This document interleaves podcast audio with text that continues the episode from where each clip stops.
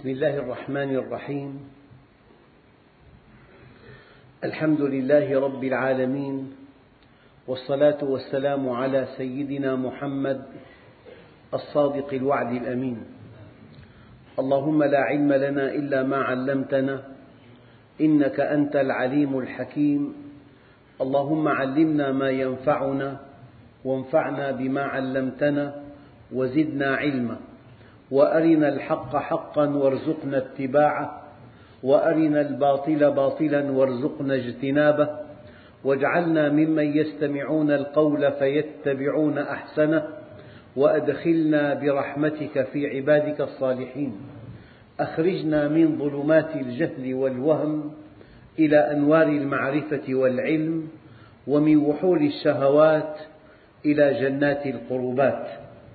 أيها الإخوة الكرام مع الدرس الثلاثين من دروس سورة الأعراف ومع الآية السادسة والثمانين وهي قوله تعالى ولا تقعدوا بكل صراط, صراط توعدون وتصدون عن سبيل الله من آمن بالله من آمن به ولا تقعدوا بكل صراط توعدون وتصدون عن سبيل الله من آمن به وتبغونها عوجا واذكروا إذ كنتم قليلا فكثركم وانظروا كيف كان عاقبة المفسدين. أيها الإخوة الكرام هناك طريق إلى الله وهناك طريق إلى جهنم. طريق إلى الجنة وطريق إلى جهنم. طريق إلى الله وطريق إلى الشيطان. لكن الطرائق إلى الله بعدد أنفاس الخلائق. المنهج واحد أما سبل الوصول إلى الله متعددة. يمكن أن تصل إلى الله بإنفاق مالك أو بضبط تربية أولادك أو بإحسانك أو بطاعتك أو بعباداتك أو بصيامك أو بوسائل لا تعد ولا تحصى. المنهج الإلهي واحد الحق لا يتعدد وأن هذا صراطي مستقيما فاتبعوه. الحق لا يتعدد الحق واحد لكن الطرائق إلى الخالق بعدد أنفاس الخلائق. أما الباطل متعدد. مليون باطل فيه. باطل اعتقادي.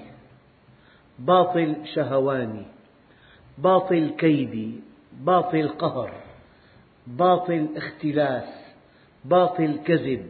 باطل انغماس بالشهوات الباطل متعدد.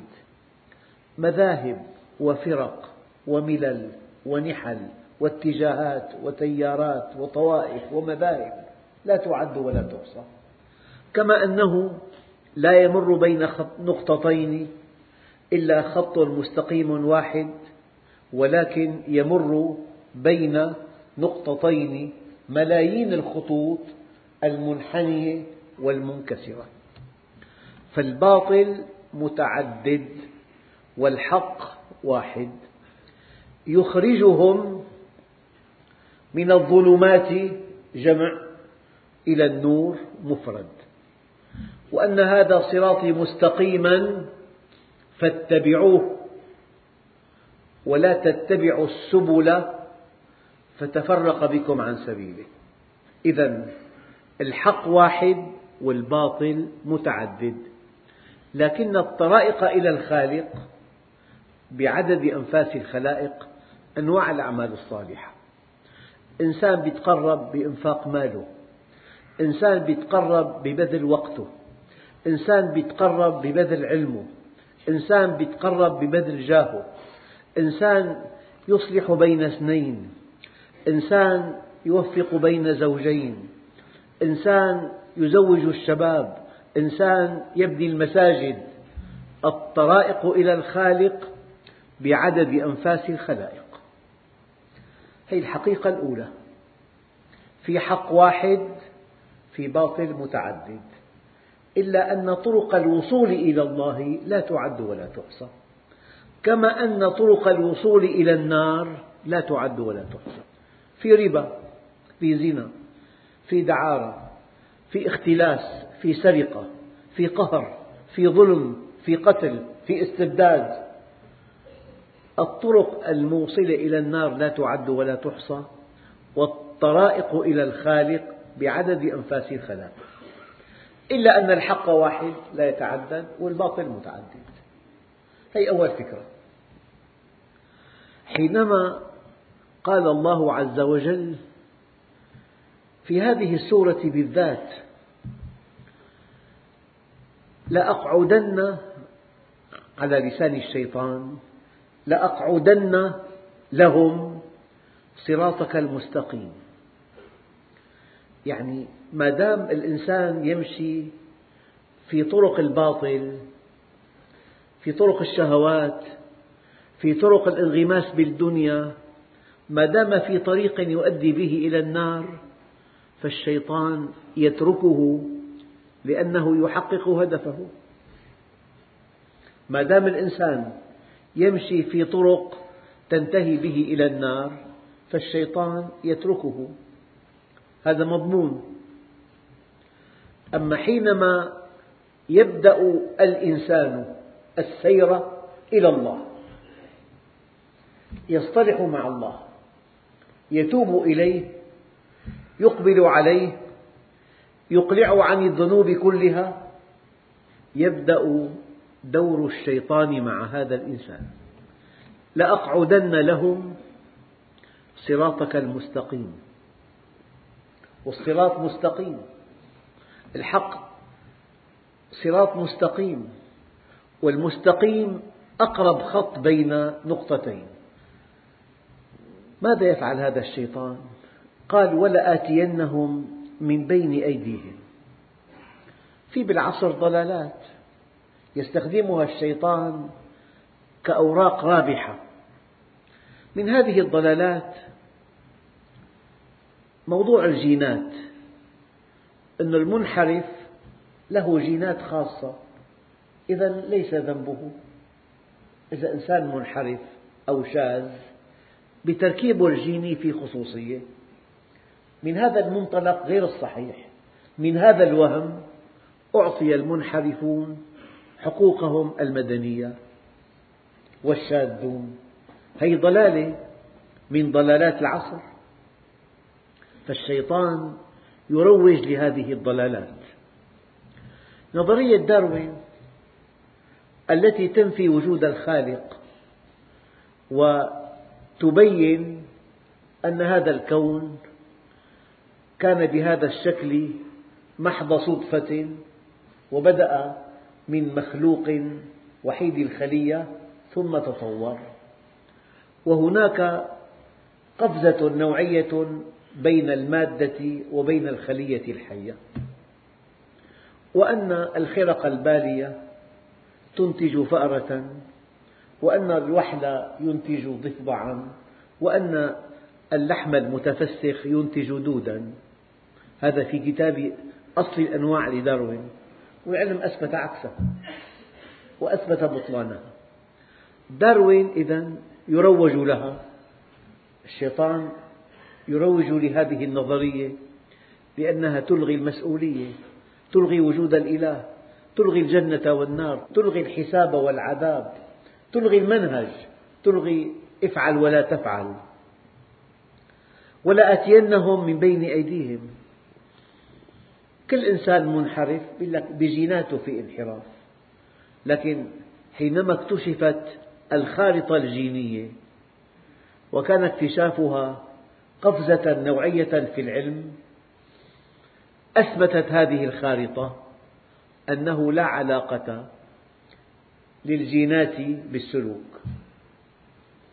فكل هذا الذي كان يتوهمه الناس أصبح باطلا. إذا ولآتينهم من بين أيديهم أروج لهم ضلالات العصر وشهوات العصر. في بكل عصر ضلالات وفي شهوات. يعني في شبهات وفي شهوات. وأنا أقول في أول كل درس أخرجنا من ظلمات الجهل والوهم إلى أنوار المعرفة والعلم. في مقولة أنك ما دمت الأقوى فأنت على حق. فالقوي على حق. ولو سحق الشعوب ولو أباد الشعوب ولو بنى مجده على أنقاض الشعوب ولو محى ثقافة الشعوب ولو أباد الشعوب ما دام يملك قنبلة نووية إذا يدمر بها كل شيء. هذه أيضا من ضلالات العصر. القوة تصنع الحق. لكن المناهج الإلهية تؤكد عكس ذلك. الحق يصنع القوة. أنت قوي لأنك على حق. لكن في عالم المادة أنت على حق لأنك قوي. هذه أيضا من ضلالات العصر. من هذه الضلالات العنصرية. يعني لك ما ليس لغيرك. لك حق الفيتو الاعتراض. أما بقية دول العالم لا تملك هذا الحق. لك أن تمتلك أسلحة الدمار الشامل لكن لا تسمح لأية جهة أن تمتلك هذا السلاح. العنصرية أن تتوهم أنه ما لك ليس لغيرك وما على غيرك ليس عليك. يمكن لك أن تضع في السجن كما يفعل الصهاينة عشرين ألف أسير. أما إذا أخذ أسير واحد يدمر بلد عربي بأكمله من أجل أسير واحد. لك ما ليس لغيرك وعلى غيرك ما ليس عليك. هذه من ضلالات العصر. تسمى الآن العنصرية. فالجينات أنواع الانحراف والشذوذ تفسر تفسيرا يريح المنحرف في خصوصية بجيناته. والعلم أثبت عكس ذلك. لا علاقة للجينات بالسلوك. الأخلاق نسبية. ما هو محرم في بيئة مقبول في بيئة أخرى؟ معنى ما في قيم ثابتة. كل بلد له عادات وتقاليد وتراث وموروثات. فإذا كان الشيء هنا محرم هنا مقبول ومباح. هذه الفكرة ميعت القيم. مجتمع بلا قيم. أيها الإخوة الفتن الطائفية من هذه الضلالات. نستورد مشكلات من التاريخ ونجعلها أصلا في الدين ونسفك الدماء من أجلها.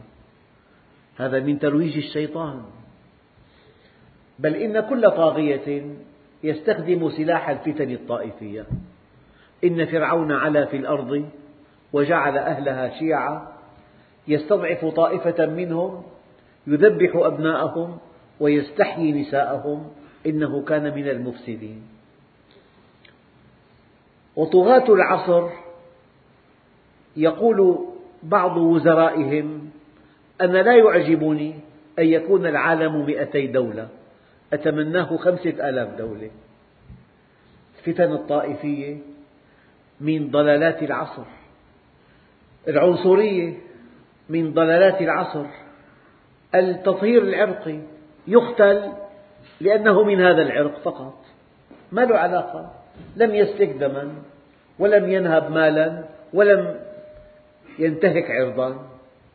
موت كعقاص الغنم لا يدري القاتل لما يقتل ولا المقتول فيما قتل.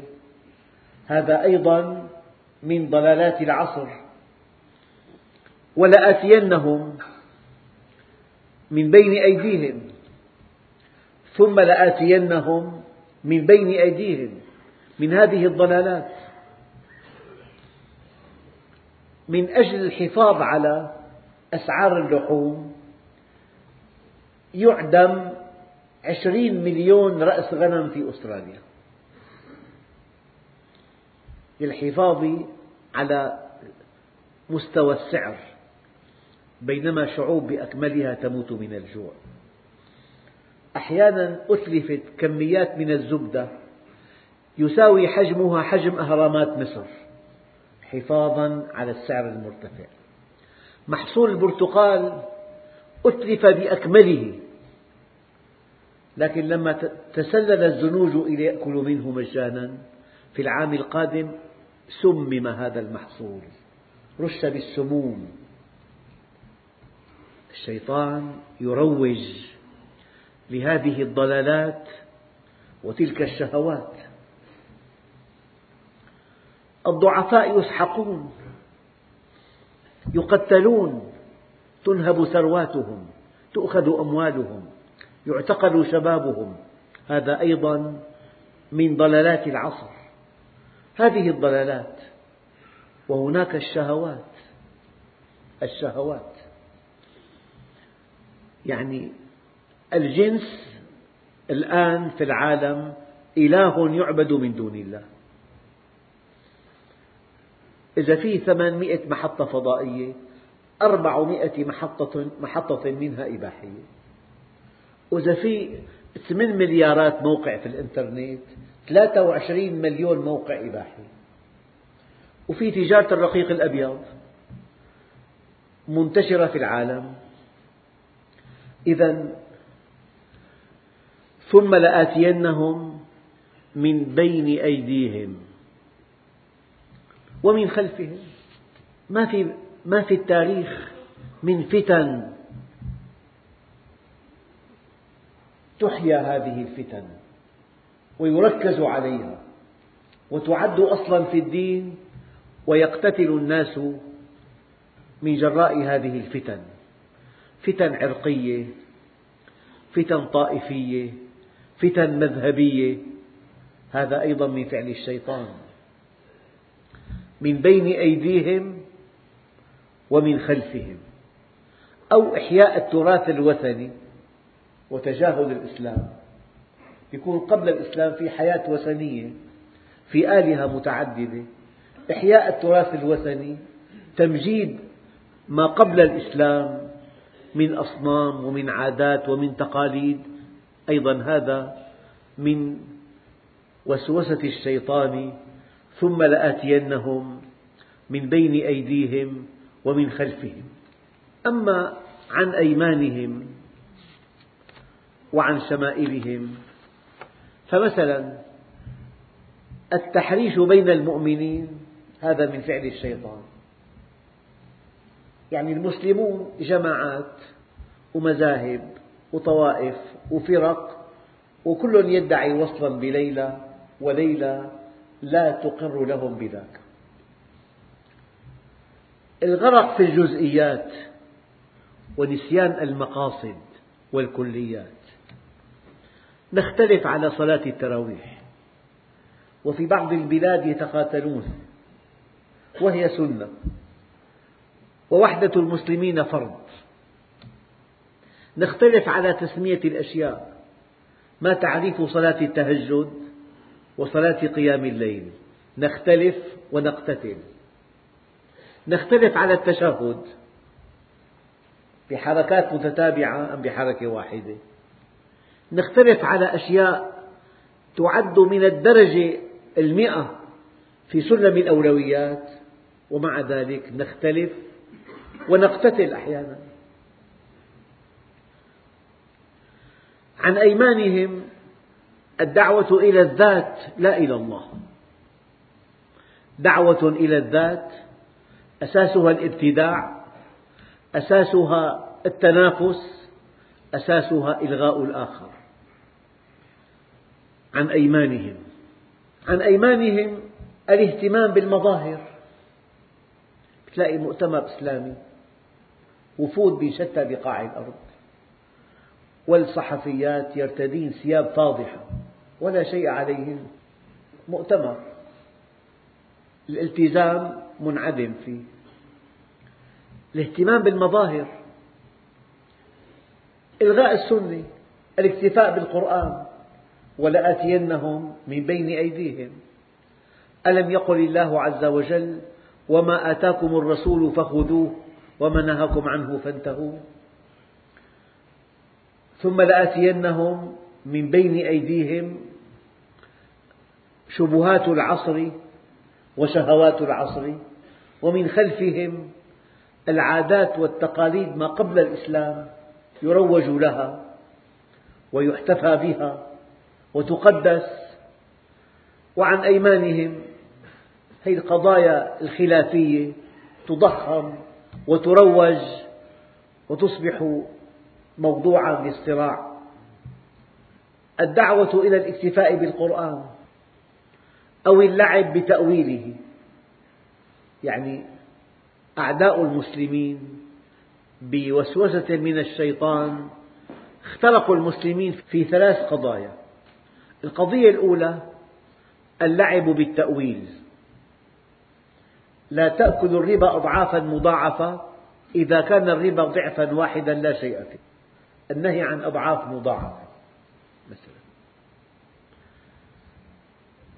أيها الإخوة نسبية النص هذه شبهة كبيرة.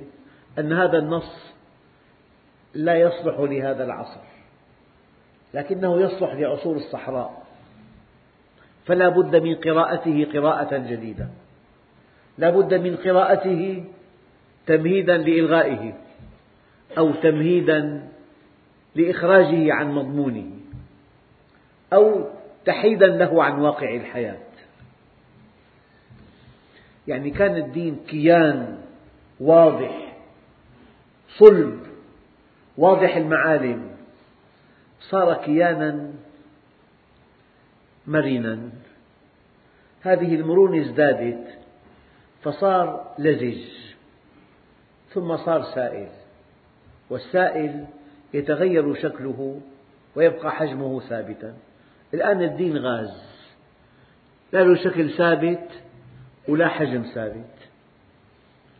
ترتكب أكبر المحرمات والمعاصي والآثام والمظهر ديني والإطار ديني وكل شيء في تسامح إلى أن فقد الدين محتواه ومضمونه. أيها الإخوة هذا عن أيمانهم أما عن شمائلهم. ترويج الخمر في قيم روحية وفي مشروبات روحية وروحية بروحية. الخمر سميت بأسماء كثيرة. الاختلاط التعري الزنا أكل الربا.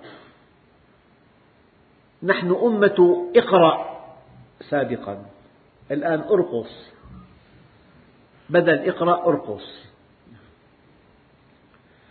اختيار ملكات جمال حضارة. أيها الإخوة هذه الآية دقيقة جدا. لأقعدن لهم صراطك المستقيم ثم لآتينهم من بين أيديهم ومن خلفهم وعن أيمانهم وعن شمائلهم ولا تجد أكثرهم شاكرين. يعني معه ملايين مملينة ويشكو. الشكوى جزء من حياته. يشكو الدخل لا يعجبه والحياة لا ترضيه وزوجته لا يهتم بها وهكذا. أيها الإخوة هذا تمهيد لدرسنا. أما الدرس يقول الله عز وجل ولا تقعدوا بكل صراط.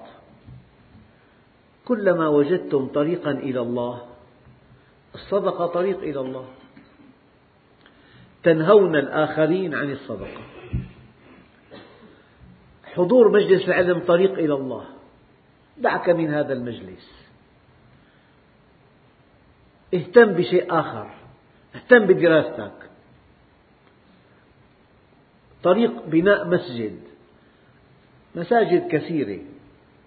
طريق إطعام الجياع. لهم رب. يتولى شأنهم. كلما رأيت إنسانا تحرك نحو عمل صالح تنهاه عن هذا العمل فالله عز وجل يقول إياكم ثم إياكم ثم إياكم أن تأخذوا دور الشيطان. في تخويف الإنسان من إنفاق ماله أو من حضور مجلس علم أو من طاعة أو من اختيار عمل شريف. يقول لك الدخل لا يكفي. هذا العمل دخله كبير. دعك من هذه الوسوسة. لا تكن متزمتا. ولا تقعدوا بكل صراط. كل طريق يؤدي إلى الحق إلى طاعة الله إلى إنفاق المال إلى إتقان العمل إلى غض البصر إلى ترك الاختلاط. إلى تلاوة القرآن إلى حفظ القرآن إلى إلى هذه الطرق التي تفضي إلى الله عز وجل الذين شردوا عن الله ينهون سالكيها عن بلوغ أهدافهم. ولا تقعدوا بكل صراط إذا هذا الذي يفعل هذا شاء أم أبى؟ أعجبه أو لم يعجبه؟ رضي أو غضب؟ هو شيطان. لأنه أخذ دور الشيطان. أحيانا يقوم عمل معين.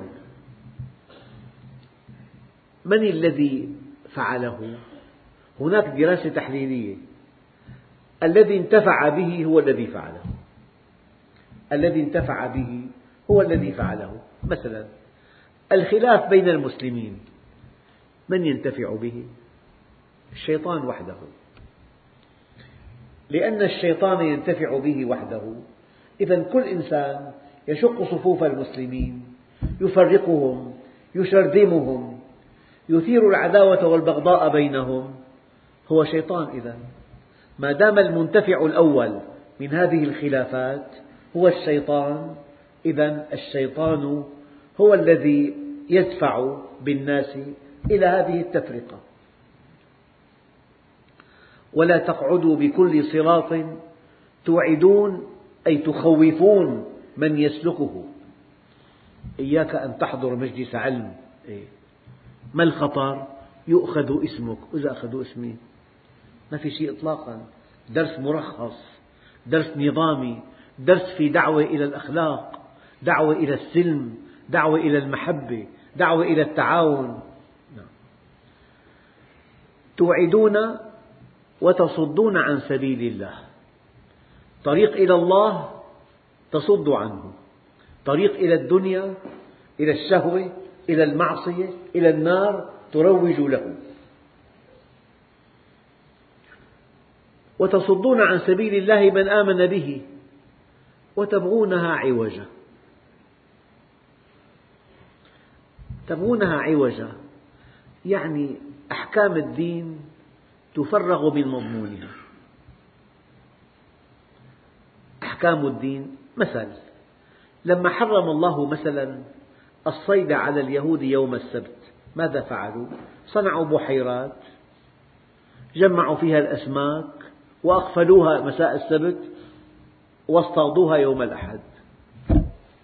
الحيل الشرعية.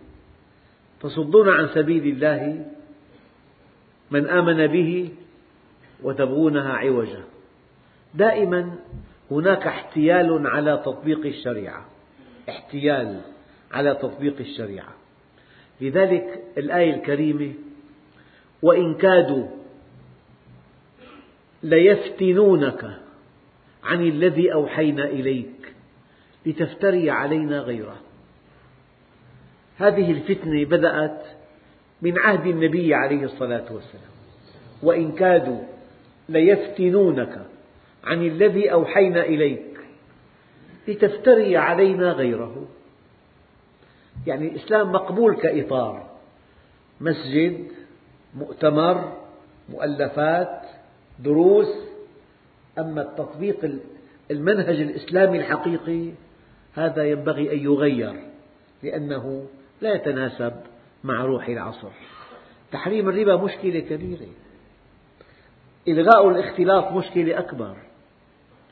فلذلك أيها الإخوة الصد عن سبيل الله وأن يبتغي الإنسان الأمور بشكل معوج. يعني كل أمر له طريق معوج. غير صحيح. يعني للتقريب.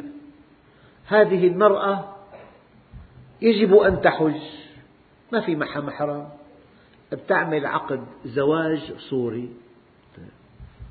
هذا طريق معوج للحج. لا يرضي الله. الله عز وجل لا يعبد إلا وفق ما شرع.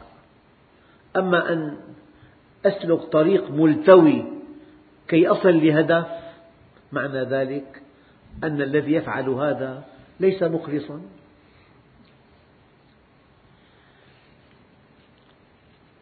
ثم يقول الله عز وجل واذكروا إذ كنتم قليلا فكثركم.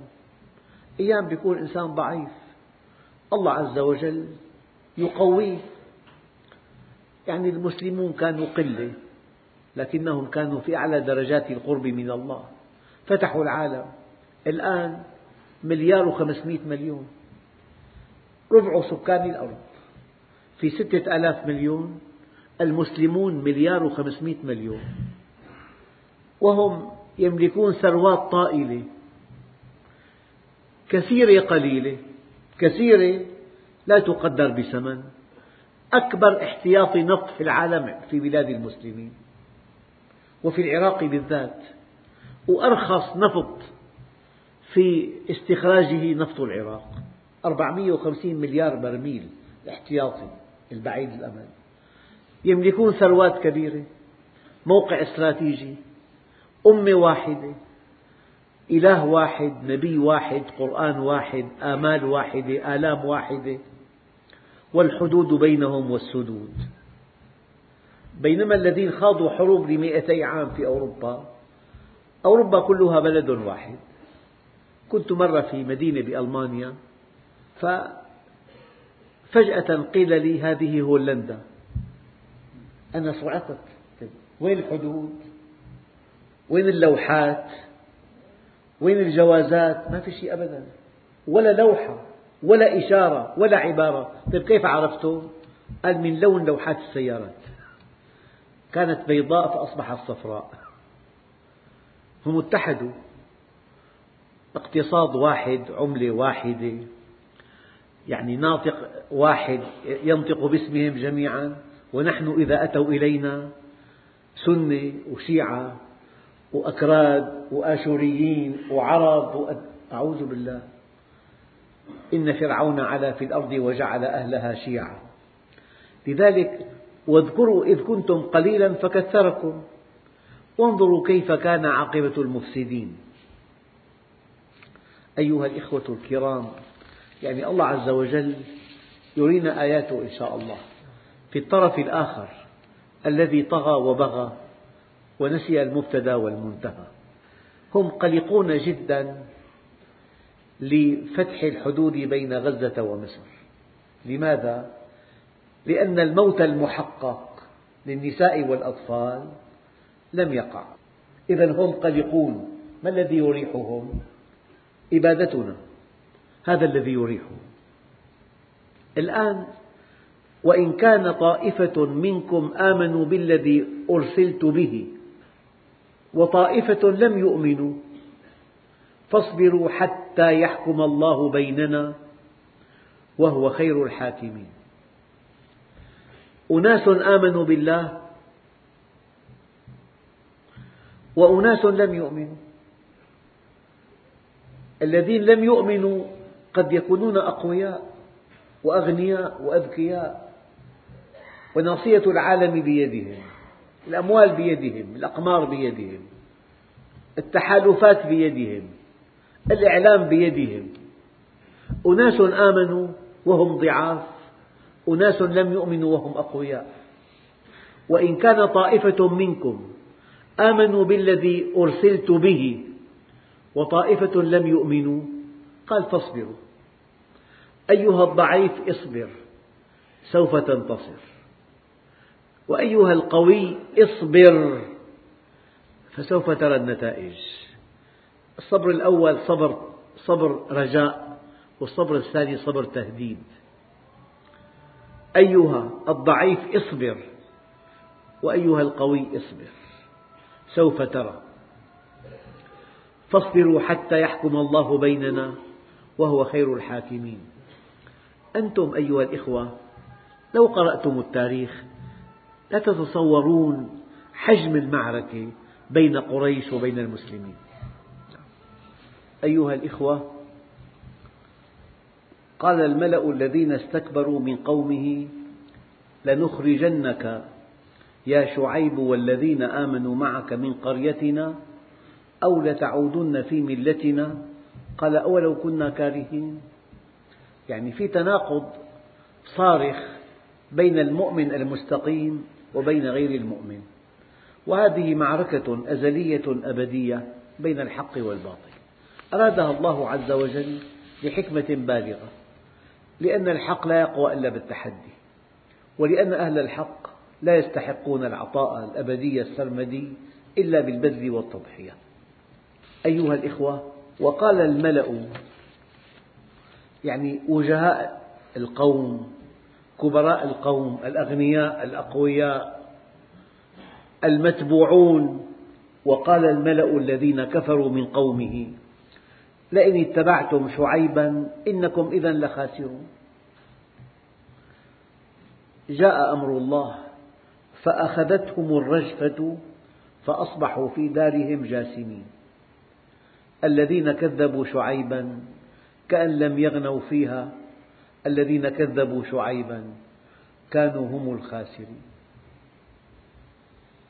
فتولى عنهم وقال يا قوم لقد أبلغتكم رسالات ربي ونصحت لكم فكيف آسى على قوم كافرين. الله عز وجل أرسل نبيا كريما ونصحهم وبين لهم وعالجهم وأدبهم وأصروا على كفرهم. وانتهى الأمر. لذلك هذه القصص أيها الإخوة ما ذكرت في كتاب الله إلا لكي تكون لنا دروسا نستفيد منها في حياتنا.